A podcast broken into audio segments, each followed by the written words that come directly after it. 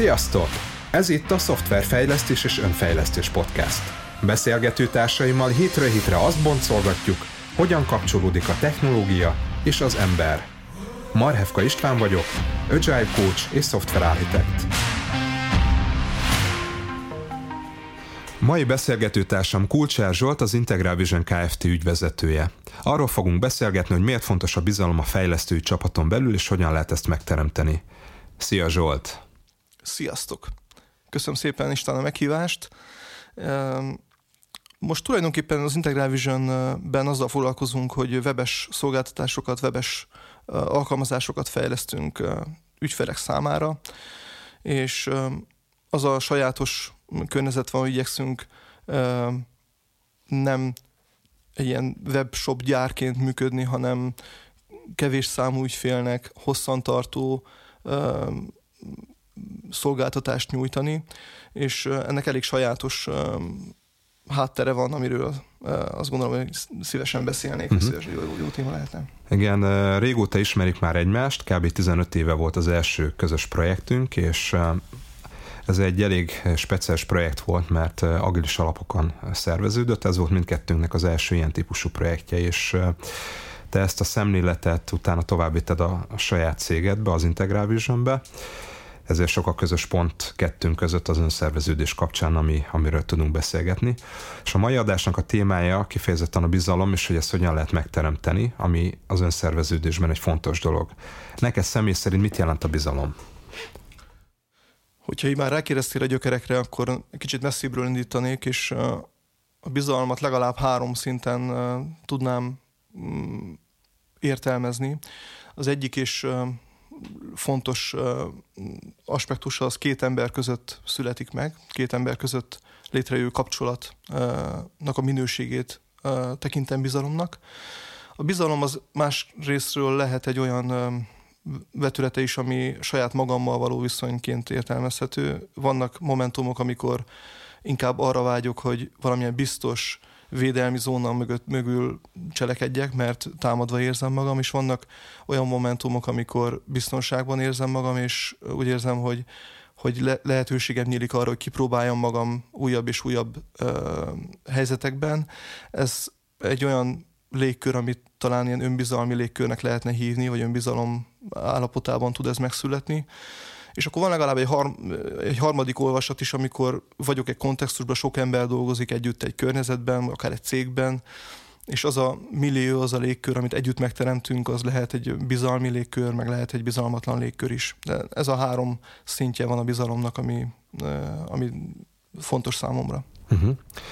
Most elsősorban ugye ezt a szervezeti szinten megjelent bizalmat feszegetnénk, vagy ebből indulnánk ki és persze, hogy az egyénre, hogy ez mit jelent, és volt nekünk egy közös projektünk 15 évvel ezelőtt, amit említettem, ez a Synergon nevű cégnél volt, azért mert milyen bátran kimondani a cég mert már nem, nem létezik, és ennek egy érdekes története van ennek a cégnek amiben volt egy csapat, egy kezdő csapat, amiben te részt vettél, aztán ez a kezdő csapatnak abba kellett hagyni a munkát, és átvette egy másik csapat, amiben szintén benne voltál. Tehát te ennek a teljes történetét ismered az elejétől a, a végéig, és nagyon fontos szerepet játszott a végén a sikerben a bizalom. Te hogyan élted meg ezt a történetet? El tudnád de mondani röviden, hogy mi, miről is volt itt szó?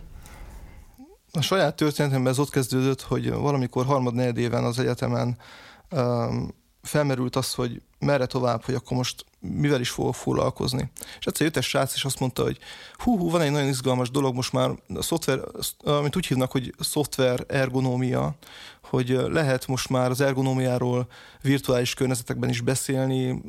Most, hogy így a web elkezdett így izgalmas lenni, egészen biztos, hogy itt fog valami történni. És gyakorlatilag az egyetem után én pár éven keresztül ezt a szakmát próbálgattam, amikor még nem létezett ez a fogalom, hogy UX tervezés, vagy UI tervezés, ezek még gyakorlatilag ismeretlen dolgok voltak, és a fejlesztés mm, azt mindenki kódolásként fogta fel, vagy gyakorlatilag egy olyan probléma megoldásként, ami, mm, ami köré nem, nem képzelt oda senki más extra dolgokat. És ahogy ez, e, ezt elkezdtem csinálni, és több, több projektben hívtak be úgy, hogy igazából abban az időben ez még frontend fejlesztéshez kapcsolódó tevékenység volt, tehát gyakorlatilag CSS uh, mókoláson keresztül nyúltam a felületekhez, és minden esetben úgy hívtak be, hogy itt van egy szoftver, tehát mindig az utolsó, az átadások előtt van két hét, és van egy végső... elkészült a szoftver, most már meg szeretném Igen. mutatni a megrendelőnek, Zsolt valamit csinál, valamit csinál meg pofosz ki, még nagyon, van két nagyon nap. szörnyű, szörnyen néz ki. Fejlesztőknek tetszik, de az önredőnek biztos, hogy nem való. És akkor van két hetet, hogy helyre ragd. És ezek az időszakok, például ebben az esetben nagyon örültem minden ilyen lehetőségnek, mert egy, örültem, hogy egyáltalán ezt lehet csinálni de mm, megmondom őszintén, hogy azért már akkor nyilván más, sokkal, sokkal nagyobb ö, dolgot jelenthetett volna, hogyha egy szoftver fejlesztésnek a kezdeténél már ott lehettem volna. Éveken keresztül nem így volt, éveken keresztül az utolsó fázisokban vettem részt, és a Synergonban, amikor beívtak az iratkezelő átadása előtt, akkor volt az időszak, hogy becsöppentem egy csapatba, tipikus vizesés modellben készült szoftver volt, egy jó millióbe kerültem, alapvetően a projektmenedzser, emlékszem, hogy rohangált fel alá, nagyon ideges volt, hogy vajon fog sikerülni ez a, az átadás, amit nagyon régóta már előkészített, és azzal volt szemmeláthatóan elfoglalva, hogy a, a, az a követelmény specifikáció, ami alapján fejlesztettünk, azt ki tudjuk-e pipálni, vagy sem. És hát akkor volt az, hogy sok napon keresztül ott éjszakáztunk, és jöttek a pizzák, és akkor egy, egy jó hangulatú, de feszített és stresszes hajrá volt, és a végén Na várjál, nekem azt mesélted még az adás előtt, hogy a, ennek a résznek a legjobb, vagy ennek az időszaknak a legpozitívabb része a közös pizzázás volt, nem maga a munka. Igen, kétségtelen, hogy nagyon sok frusztrációval járt ez együtt, tehát a jó hangulat az abból fakad, hogy egyébként maga az emberek között egy jó kapcsolódás volt. Ezt tudom mondani, tehát jó volt bekerülni ebbe a csapatba. De az a típusú um, mentalitás, ami ebbe, ezt az együttműködést jellemezte, az, uh, az eredményezett egy blaming uh, blaming légkört, ahol gyakorlatilag egy ilyen fantom ügyfélkép lebegett valahol, senki nem látta az ügyfelet, senki nem találkozott vele, pedig már egy éves fejlesztés volt, vagy talán több mint egy éve már fejlesztették. Nem volt konkrétan konkrét olyan demo, amin a fejlesztők látták volna, kinek fejlesztenek, tehát gyakorlatilag egy ilyen fiktív ö, zónában történt minden. Viszont volt egy projektmenedzser, aki nem vett részt konkrétan a fejlesztés során a csapattal, hanem ő gyakorlatilag rohangált az ügyfél és a, a csapat között, és azzal volt elfoglalva, hogy a timesheetbe hogyan könyvelünk, mit hova. Tehát e, e, konkrétan emlékszem, hogy nap végén ez egy nagyon fontos téma volt mindig, hogy most hová kell könyvelni az órákat. És én valahogy valami más dolgot képzeltem, ezt valami másképp is lehetne csinálni, ahol nem a látszat könyvelés és nem a látszat eredmény lesz az, ami után futunk. És ez volt az első impulzus, ami, ami után aztán találkoztunk. Talán itt azt érdemes ebbe a sztoriban még elmesélni, hogy nyilván miután volt egy sikertelen átadás, akkor a menedzsment is végig gondolt azt, hogy mit lehet itt tenni, és volt egy nagyon alapos átvilágítása a csapatnak, volt egy külső, egy, igazából egy coach, aki, vagy egy, egy személy, akit megbíztak azzal, hogy egy agilis coach. Egy agilis coach hogy átvilágítsa azt, hogy mi történt, és gyakorlatilag mindenkivel egyesével leült, aminek az eredménye az lett, hogy hogy végül is a társaságnak egy jó részét elküldték, és egy új csapatot raktak össze, és azt mondta ez a kulcs, hogy nem érdemes ezt a szoftvert már tovább pofozni, hanem ezt újra kellene kezdeni. Hogy ezt konkrétan anyagilag hogy rakták össze, ez meg tudjon történni, azt gondolom, ez nem gyakran tud ilyen megtörténni, valóban legyen erre fedezet, nyilván ez egy erős cég kell, ez meg tudjon történni. Itt volt erre lehetőség, és akkor történt az, hogy, hogy Telettir ennek a, a csapatnak a, a leadje fejlesztő Bocsánat, még, még hogy lezárjuk az első részt, bocsánat, hogy be, közbevágtam a szabadba. Emlékszem, hogy ez egy ellen elég viharos időszak volt, tehát ugye a csapat egy éve fejlesztett már, nagyon távol volt a, az ügyfél követelményektől, ha egyáltalán lehet ilyet mondani. Tehát az ügyfél elvárásoktól az a szoftver, ami elkészült, hogy a szoftverfejlesztő csapat foggal körömmel próbálta védeni azt a megoldást, amit eddig megcsinált, és abban még valahogyan belepasszírozni azt, ami éppen a, az ügyféltől jött, de tulajdonképpen alapjaiban volt az egész e, rosszul megközelítve, és ennek a következtetése volt az, hogy nem szabad ezt a meglévő e, szoftvert továbbvinni, ami nem csak ott mutatott nem egyezőséget az ügyfélel, hogy ügyfél szempontból sem volt képes kezelni, de egyébként technológiailag is nagyon sok gond volt vele. Így egyszerűbb volt egyébként kimondani azt, hogy itt valami másra lenne szükség. És hát nyilván már az a csapat nagyon benne volt érzelmileg ebben a, ebben a történetben, és nagyon kellemetlen szituáció volt, át kell gondolni, hogy milyen csapat viszi tovább, és voltak bizonyos tagok, akik egyébként megmaradtak az eredeti csapatból, de egy nagy részét a csapatnak le kellett váltani egy új csapattal, és ebbe csöppentem én is bele, és innentől kezdve ismerem én is a, a történetet jobban. Te hogyan élted meg egyébként a, UX designerként itt a, a szerepedet a, ebben a projektben? Ha mondjuk itt a bizalom légköréről beszélünk, ez mondjuk neked mit jelentett? kiragadnék egyetlen egy momentumot, ami nagyon jól leírja, hogy, hogy milyen változás történt az új csapat felállás és a korábbi között. Hogy amikor a kénytelen volt a középvezető is elkönyvelni ezt a projektet, mint egy veszteséges projekt, akkor összehívta az egész csapatot egy, egy térbe, és emlékszem erre a momentumra, nagyon markáns pillanat volt egyébként, hogy ez mai emlékem is, hogy, hogy gyakorlatilag szoftverfejlesztős közegben, ha valami ben bőség van, akkor a, a kritikai érzékben és a probléma megoldásban azt gondolom, hogy bőség van. Az, ahhoz nagyon sok olyan ember eh, szokott egy ilyen helyre összegyűlni, aki, aki tényleg tudja, hogy mi a frankó. És uh, itt is ez volt, hogy, hogy volt olyan ember, aki végigvitt a, végig ott volt a projektben, és nagyon tudta egyébként mi a frankó, és nagyon hangot is adott ennek és ezt a vezető egész egyszer úgy reagálta le, hogy ezeket a kritikai hangokat nem engedte tovább burjánzani, hanem azt mondta, hogy most ne beszéljünk, most már az végig volt beszélve a külön egyéni alkalmakon, hogy ki hogy élte meg. Én most arra vagyok kíván, és azt gondolom, és ez egy nagyon fontos momentum, hogy a válság pillanatban a vezető hogy reagál, azt gondolom, hogy mindenki a legjobb tudása szerint próbált ebben a helyzetben helytállni, és hogyha most ezt elkezdenénk elemezni, akkor ez nem vinne előre hanem most azt nézzük meg, hogy abból, amink van, abból mit fogunk kihozni. És ez az alap állás, hogy ő ezt annélkül, hogy mondjuk módszertanilag olyan nagyon képbe lett volna, vagy mondjuk konkrét elképzelése lett volna, ez nem derült ki számomra, hogy volt-e, vagy nem lehet, hogy volt, lehet, hogy nem, de az attitűdje, hogy, hogy képes volt egy nehéz momentumban bizalmat adni a csapatnak, hogy most lehet egy más setupban, egy más felállásban valami más csinálni, és ezt elhiszem nektek, és, és kaptok felhatalmazást, hogy ezt megtegyétek. Szerintem ez volt a kezdőlöket, és a kezdő, kezdő impulzus, hogy valami más induljon el. Nekem a saját történetemben egyrészt az volt izgalmas, hogy nagyon örültem annak, hogy lehetőséget kaptam, hogy részt vegyek ebben az elejétől. És amikor láttam, hogy, hogy ti ezt hogy rakjátok össze, ilyen domain-driven ilyen szemléletben futottatok neki, és emlékszem ezekre az ilyen szenvedélyes momentumokra, amikor a domain megformálása közben azon agyaltatok, hogy most konkrétan milyen fogalom legyen egy-egy, egy-egy függvényhíváshoz kapcsolódóan, vagy az egész doménben mi, mi az a szó, ami leírja legjobban azt az ügyféligényt, amire szeretnétek támaszkodni, és ezt újra és újra fogalmaztad menet közben, ahogy mélyebben és mélyebben megértette az üzleti kontextust. Ez nekem a mai napig egy ilyen nagyon-nagyon mély élmény, mert ott értettem meg azt, hogy igazából a szoftverfejlesztés azon túlmenően, hogy, hogy ez egy probléma megoldós kontextus, itt, itt nagyon sok ilyen nyelvi dolog van.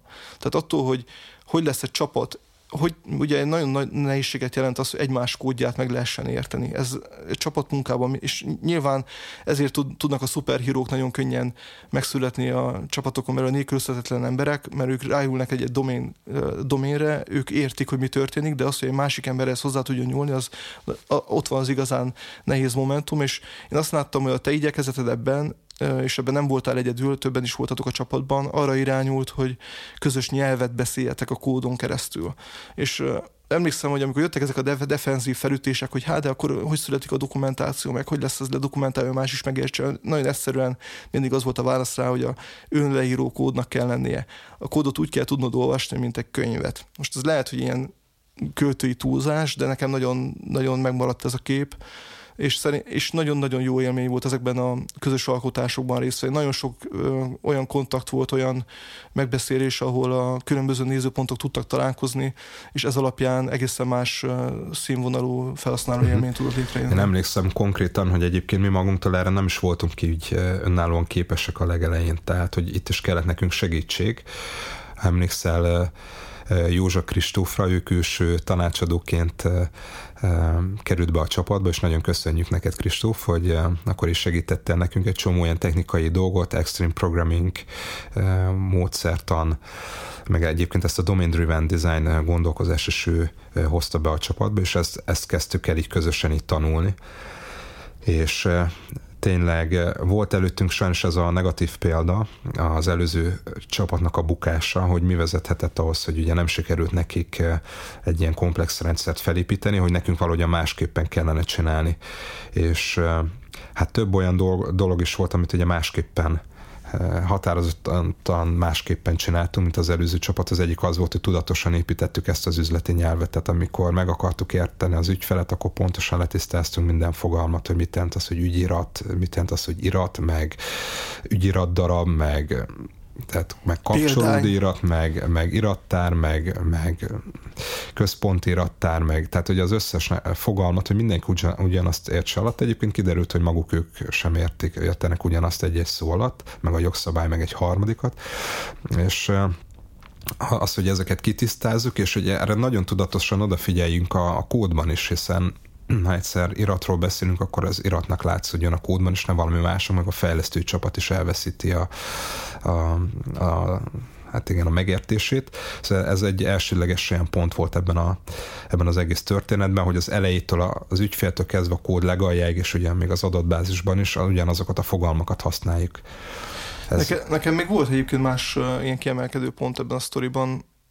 Az egyik például az, hogy történt egy óriási változás abban, hogy a fantom ügykél, ügyfélkép az fizikai megtestesülést kapott.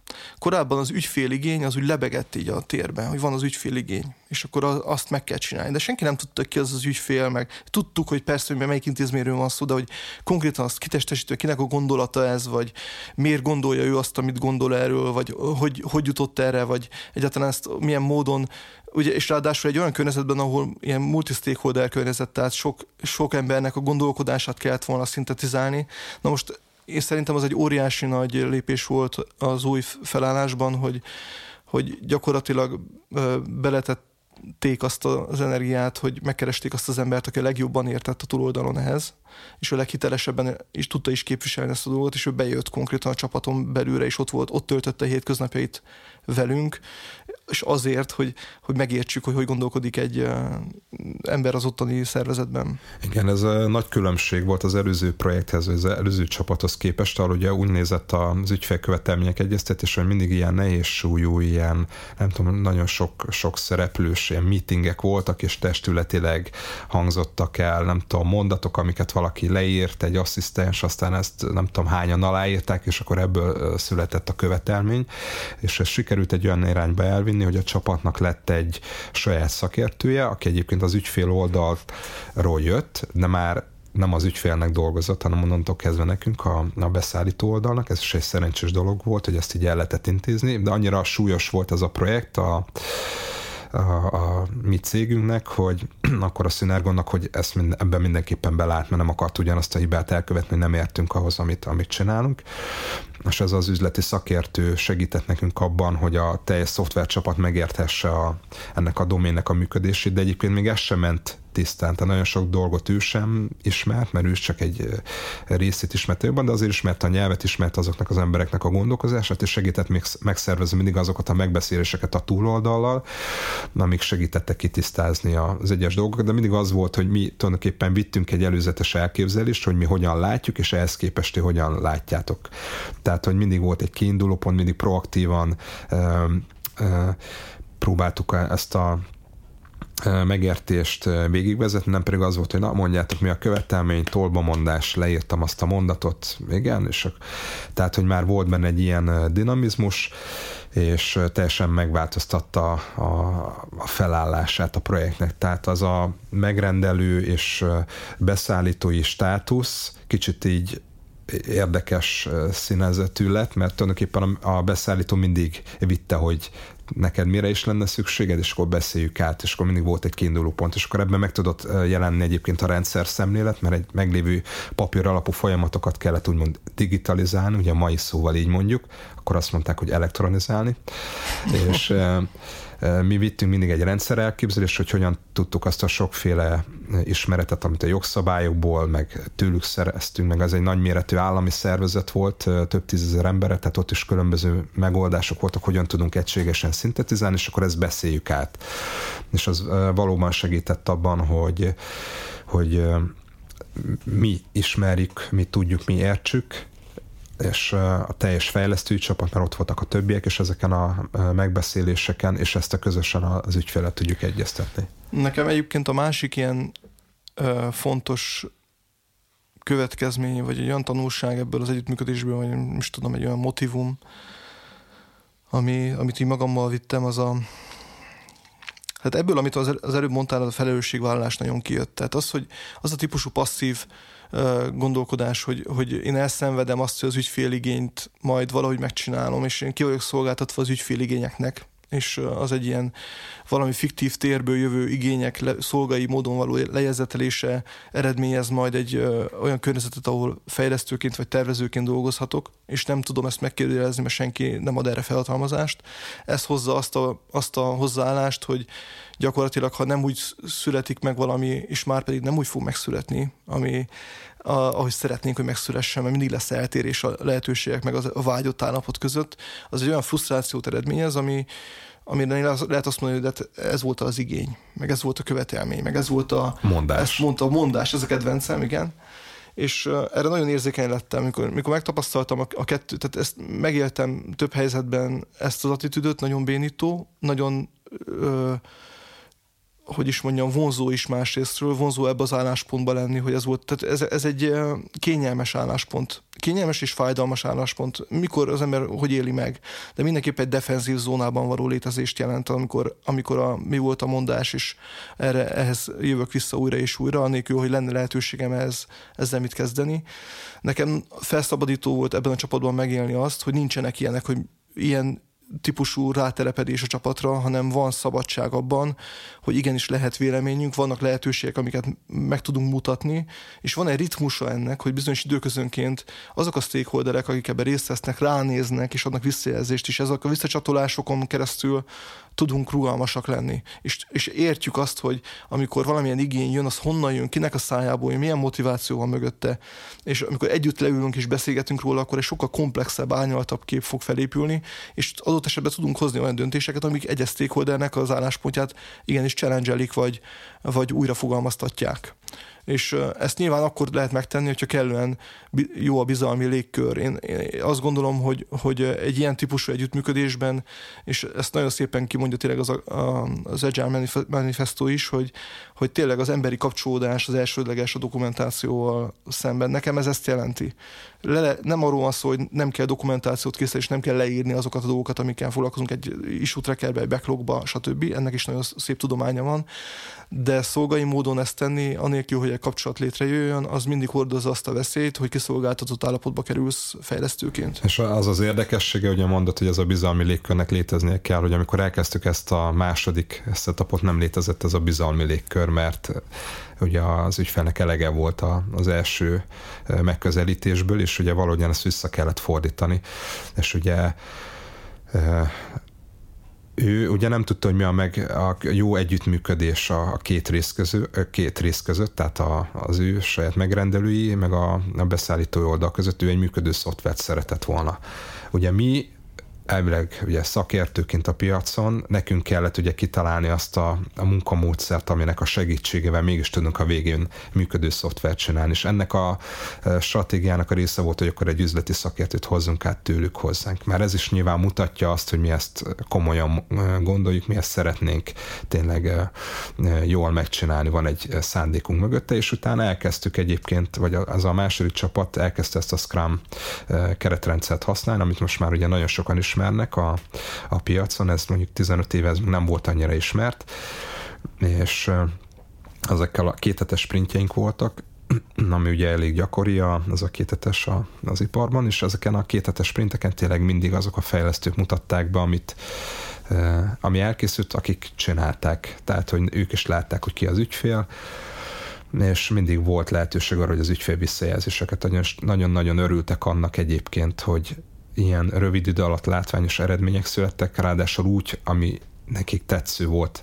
Előtte meg hónapokon keresztül birkózott egymással a két oldal, hogy hogyan eh, nyomja le a nem tudom, beszállítva az elkészített megoldást a megrendelő oldalán, mert itt le van írva ez a mondat, mi azt szerint csináltuk, és ehhez képest teljesen megváltozott ennek az egésznek a, a viszonyrendszere, és nagyon hosszú út volt egyébként, de ezek a kezdeti lépések nagyon mutatták a, a mi, irányunkból, a mi irányunkból azt az elkötelezettséget, hogy szeretném megfordítani ezt a jelenlegi felállást. Ezért is kellett egyébként egy másfajta csapat felállás, mert nem mindenkivel lehetett, nem mindenki tudott volna egyformán ilyen elkötelezettséggel részt venni. Beszélgetés elején eldöntöttük, hogy folyamatosan igyekszünk egy olyan fókuszt tartani, hogy a fejlesztői nézőpontból nézzünk ezekre rá, és én most arra gondoltam, hogy hogy nagyon sok fejlesztővel beszélgettem az elmúlt tíz évben, nagyon sok interjút is bonyolítottam le, és hogy nagyon vegyes a kép abban, hogy ki mennyire tartja fontosnak azt a kérdést, hogy az ügyfélekkel hogy kapcsolódunk. Mm, olykor az érzésem, hogy egy-egy tapasztalata fejlesztőben sem feltétlenül áll össze a következmény sorozat, hogy hogyan fog kihatni az ő cégben való jól létére, vagy a cégben való bizalmi légkörére, amiben dolgozhat, az, hogy milyen döntéseket hozunk, hogy milyen felállásokat hozunk létre egy-egy ügyfél kapcsolatban.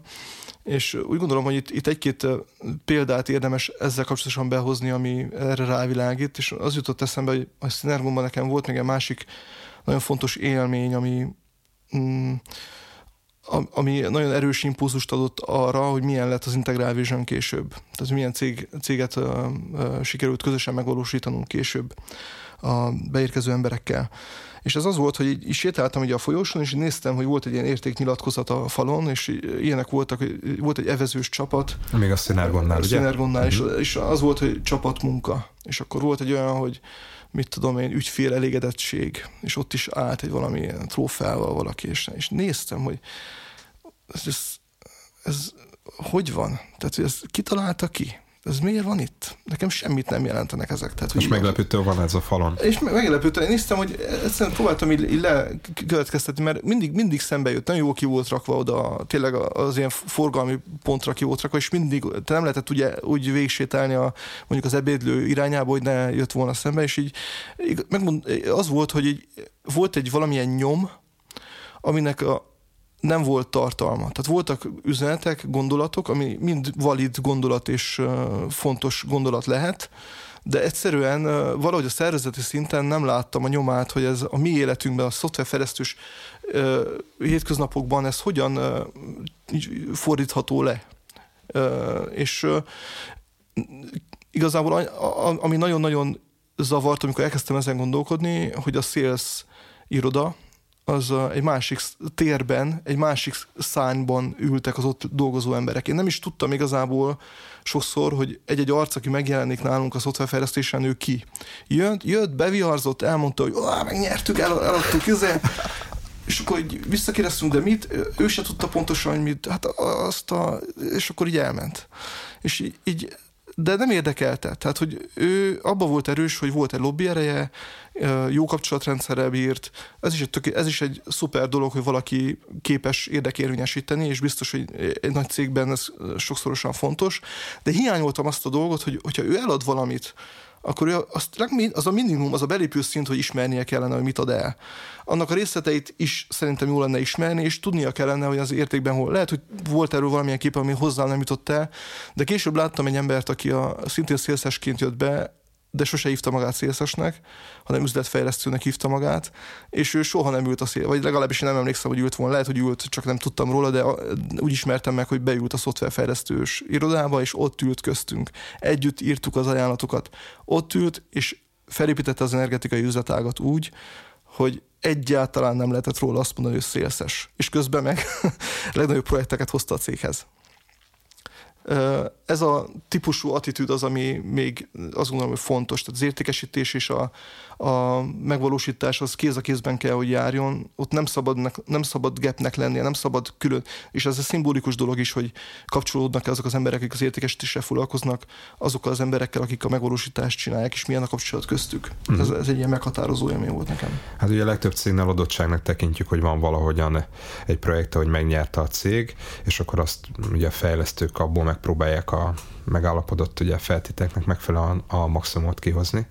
Te most ugye arról beszéltél, hogy ezt előrébb lehet hozni, ezt a, vagy össze lehet hozni a fejlesztő csapatot már a, be lehet valahogyan csatornázni ugye a sales folyamatba is ez előnyös lehet. Ugye ez segíteti a bizalmat már hamarabb kialakítani az ügyfél és a, a fejlesztő csapat között.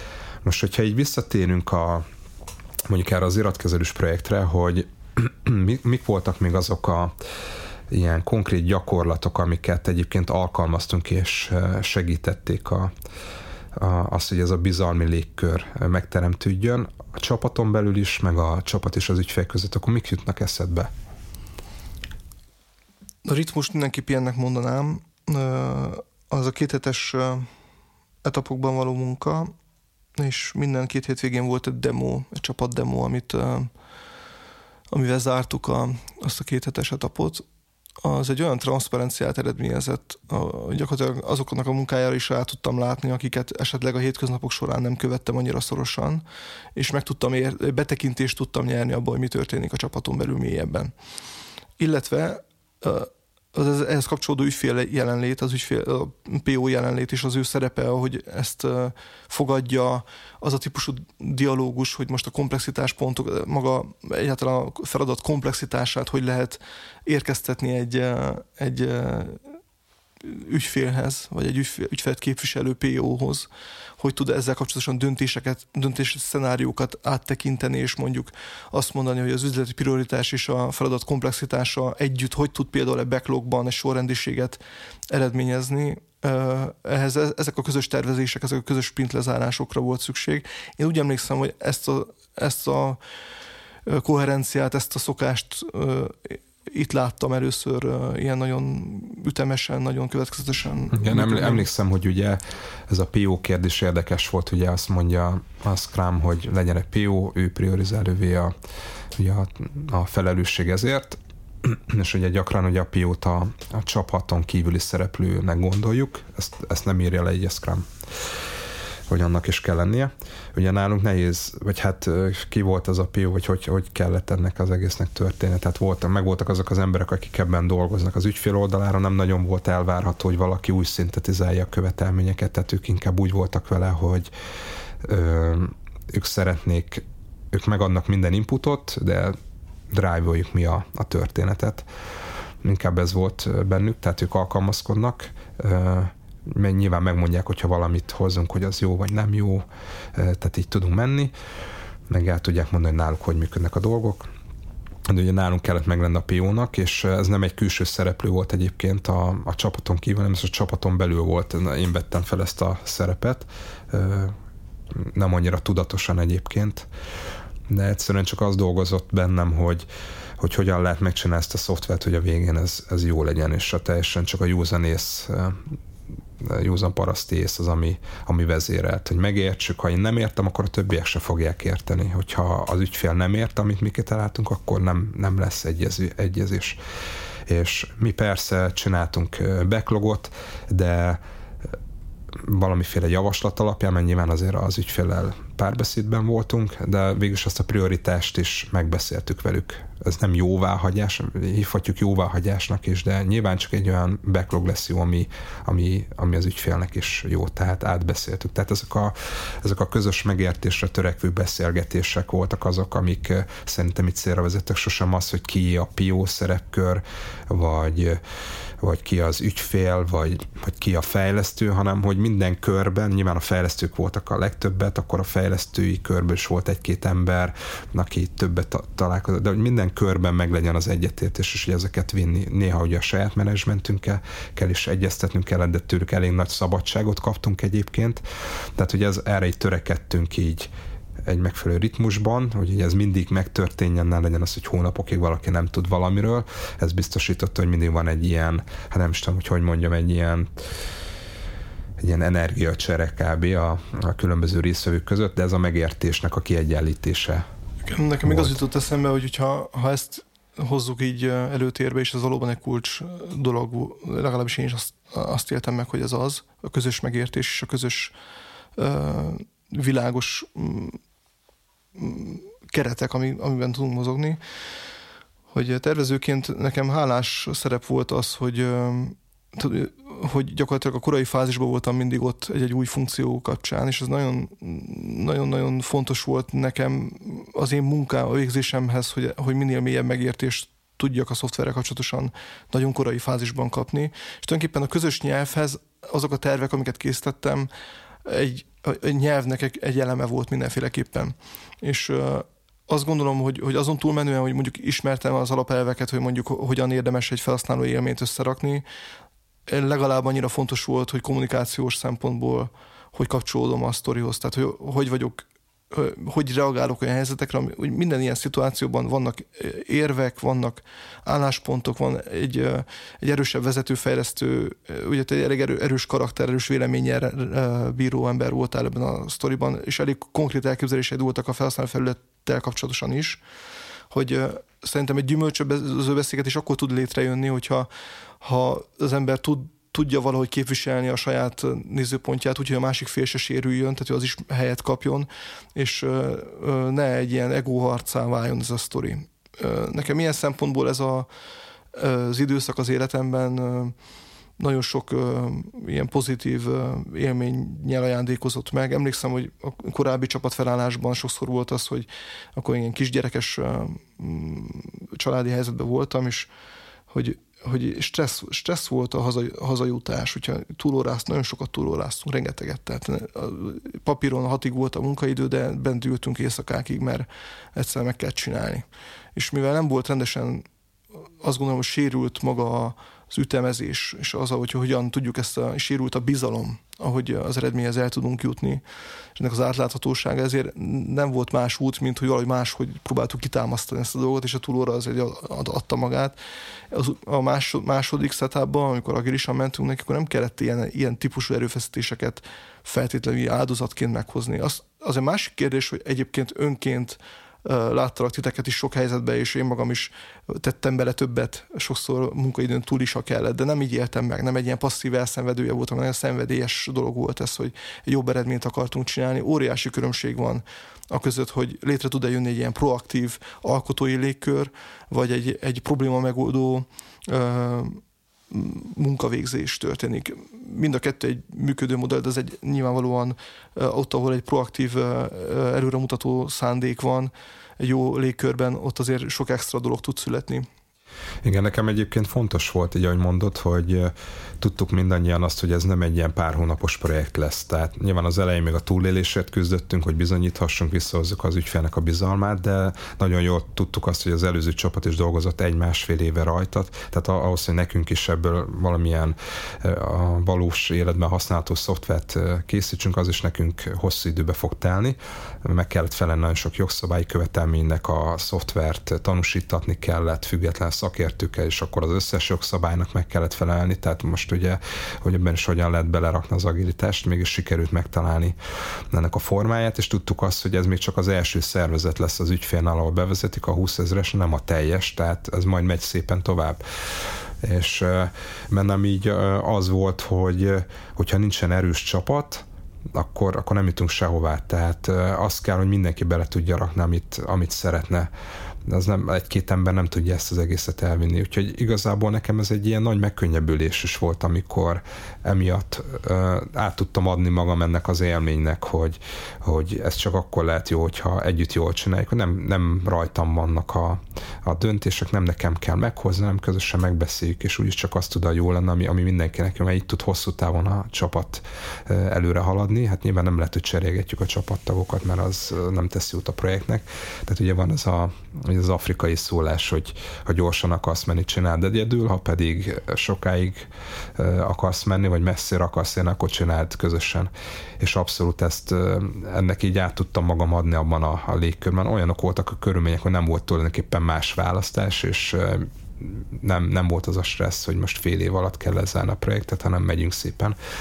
Persze itt is voltak mérföldkövek, amiket el kellett érnünk, de hogy ez, ez, egy, ez, ez egy olyan dolog, amit utána tovább tudtam vinni magammal máshova is. És ez a projekt kellett hozzá, hogy, hogy ezt át tudjam élni, és hogy ezt át tudjam magamban formálni. És azt kell, hogy mondjam, hogy ha előtte csak ilyen rövid távú projektekben vagyok, vagy nagyon definit végű projektekben, akkor ezt nem biztos, hogy meg tudom tapasztalni.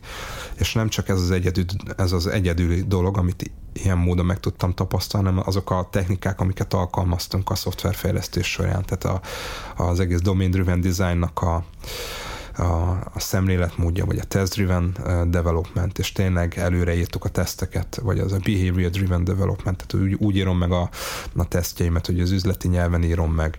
De ezek mind olyan elemek voltak, amiket, amikkel csak azért kezdtünk bele, mert tudtuk, hogy erre lesz kifutásunk, hogy ezt megtanuljuk, és ezt helyesen alkalmazzuk.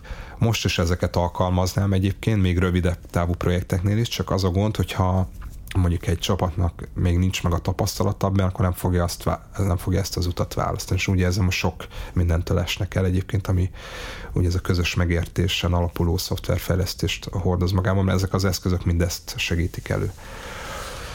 Uh, igen.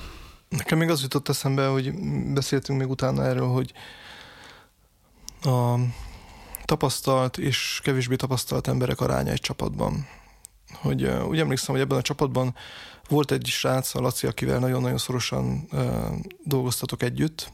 Ti gyakorlatilag egy-egy gesztusból is megértettetek, elképesztő szoros uh, közös nyelvetek volt, és ez, ez szép volt így látni, hogy az is látszott, hogy a hangsúlyok is megvannak, hogy ki mibe erős, és hogy annyira jó kiegészítettek egymást, hogy valahogy ez volt a magva a csapatnak, ez volt a, amire épült az egész csapat, és akkor még kiegészült tapasztalt fejlesztővel, és kiegészült kezdőemberrel is, junior fejlesztővel, és a junior fejlesztő, hogy mit hozott be, na ez egy nagyon érdekes dolog volt. Kicsit azt gondolom, hogy azt, hogy megértitek ti megértettek egymást ilyen félszavakból, az már ott nem működött. És valahogy azok a, a helyzetek jöttek elő, hogy jó, de akkor ezt hogy lehet megfogalmazni valaki számára, aki, akinek ez mind új.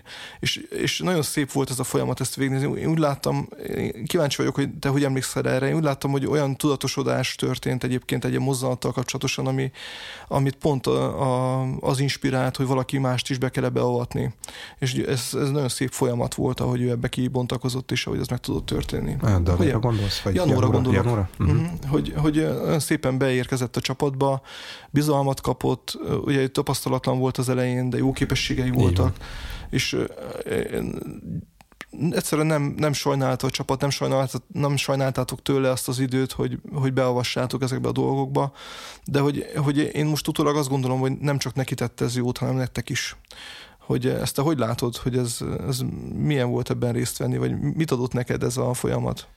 Abszolút így van, ahogy mondott. Tehát ugye Janu úgy volt ott nálunk, hogy még az egyetemen akkor végzett, az eltére járt, és tényleg nagyon jó képességű srác volt, még most is az, de most már a saját cégét vezeti, és most már ő is az agilitásról beszél mindenkinek, és ebben a szellemben viszi a cégét hogy tényleg úgy éhezte a, a, az új dolgokat, a, az újszerű dolgokat, és tényleg ő is kereste a helyét, hogy hol, hol, hol tudná megtalálni azt a területet, amin, ő, amin belül ő kibontakoztat, és végül is ugye talált, meg is találták, ők Lacival dolgoztak inkább szorosabban együtt, és teljesen önállóan dolgozott ő is, úgyhogy ő is megértette teljesen az üzleti problémát, tehát tulajdonképpen egy az egyben ugyanazokat a képességeket át tudta venni, mint amiket mi is képviseltünk. Uh-huh. Tehát a, ugyanaz az attitűd az átment rá, tehát ez az üzleti gondolkozás, az a komplex end-to-end,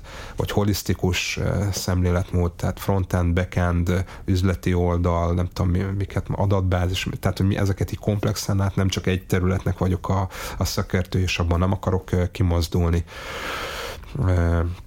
Nyilván volt olyan rész, ami ez jobban értett, de hogy ez, ez a fajta, ez a gondolkozás átment rá, és tehát bármilyen feladat jött, tudtuk azt, hogy ő is meg fogja tudni csinálni, nem volt Nekem úgy tűnt, hogy inspiráló az, hogy, hogy általa teremtődtek olyan helyzetek, ahol beszéltünk olyan dolgokról is, amiről egyébként nem feltétlenül beszéltünk volna, mert neki egyértelművé kellett tenni. Tehát ez a félszavakból is értjük egymást, ennek van egy olyan, olyan hátulütője, hogy nem biztos, hogy a tudatosításnak a mérték elég mély, uh-huh. azáltal, hogy nem verbalizálod és hogy, hogy, hogy valahogy a, egy, egy új Természetesnek ember, gondolsz dolgokat. Természet, és, és közben meg az is előfordult, hogy amit te természetesen gondolsz, és a másik is ugyanazt gondolja valójában, ha ki, könnyen ki tud derülni, nem is így van, hogy pont ugyanazt gondoljátok, és hogy nem érzed szükségét, hogy erről beszélj. Mert automatizmusok működnek, és akkor Igen. meg a berögzött hülyeségek, és hogyha mindig van egy ilyen fiatalabb kolléga, aki hogyha mer Igen, kérdezni, mer kérdezni igen, akkor, kell ez egy ilyen akkor kiderül, hogy igazából nem is voltak annyira megalapozottak azok a gondolatok, amiket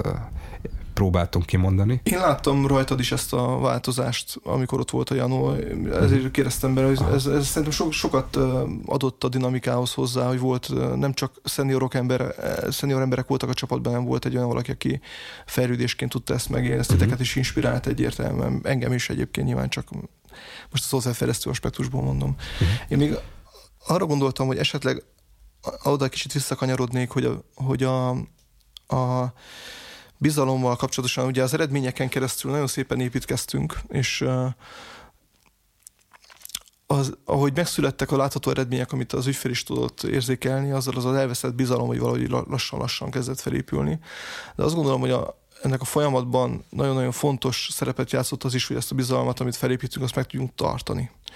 És ebben is egy nagy különbséget láttam a két, hogy mindkét csapatban szívesen kapcsolódtam az emberekhez, mind, mindkét csapatban ilyen szempontból jó légkör volt, de a passzív vagy az aktív hozzáállás között, vagy a, ilyen, kicsit a, a, az előző setupban a fantom ügyfélkép eredményezett egy olyat, hogy nagyon könnyen ügyfélkritikus és ilyen elszenvedő, passzív szerkezetű mondatok, hogy hogy már megint ez van, meg ezt akarta az ügyfél, ez nem az én hibám, tararam, ez, ez egy hétköznapi szólammá vált, és hogy azt gondolom, hogyha hogy, hogy egy bizalom, bizalmi légkörnek fenntartásában ebben, ezt, ebben nagyon tudatosnak kell lenni, hogy ezeket nem mondogassa az ember, vagy ne szorítsa vissza és fordítsa át saját magára, tehát hogy saját uh-huh. inkább az önkritikába lehessen átforgatni, vagy csapatkritikába, mert egy rosszul irányzott mondat az ügyfél fele az képes visszavetni a bizalmat megint a, a azt hiszem, alacsony szintre. Azt hiszem, itt nekünk abban volt egy előnyünk, hogy a helyzet adta az előnyünket, tehát hogy ebből a vesztes helyzetből kellett visszahozni. Uh-huh. Tehát, hogy ott volt egy olyan lendületünk, egy olyan energiánk, amivel elkezdtük ezt a projektet, hogy milyen szemlélettel megyünk neki, hogy folyamatosan egyeztetve az ügyféllel, két heti rendszerességgel, értsük meg, hogy mit akar minden fejlesztő, értse meg anélkül, ne fejleszünk. Ugye minőségi munkát akarunk ki annak kezünk közül, aminek ugye az elemi ez a test-driven development, behavior-driven development, meg az, hogy egyáltalán közösen csináljuk, megbeszéljük. Tehát ez, egy, ez, egy, ez annyira megalapozta ezt az egész projektet, hogy tulajdonképpen később már erre nem kellett külön energiát fordítani, mert ez teljesen beépült a napi munkába. Tehát ha már van egy kódbázisod, ami úgy épül fel, ha már van egy munkamódszeret, hogy így dolgoztak, így egyeztettek az ügyfél, akkor már mindenki ezt várja, ez már így benne lesz a zsigerekben, így fogjuk csinálni, és azután egy teljesen fenntartható módon tud menni. Az elején beleraktuk az energiát, de nem volt tulajdonképpen annyira nehéz, mert annyira akartuk, hogy ez sikeres legyen az új csapat, utána ez meg kitartott. Úgyhogy hát lassan le is jár az időnk.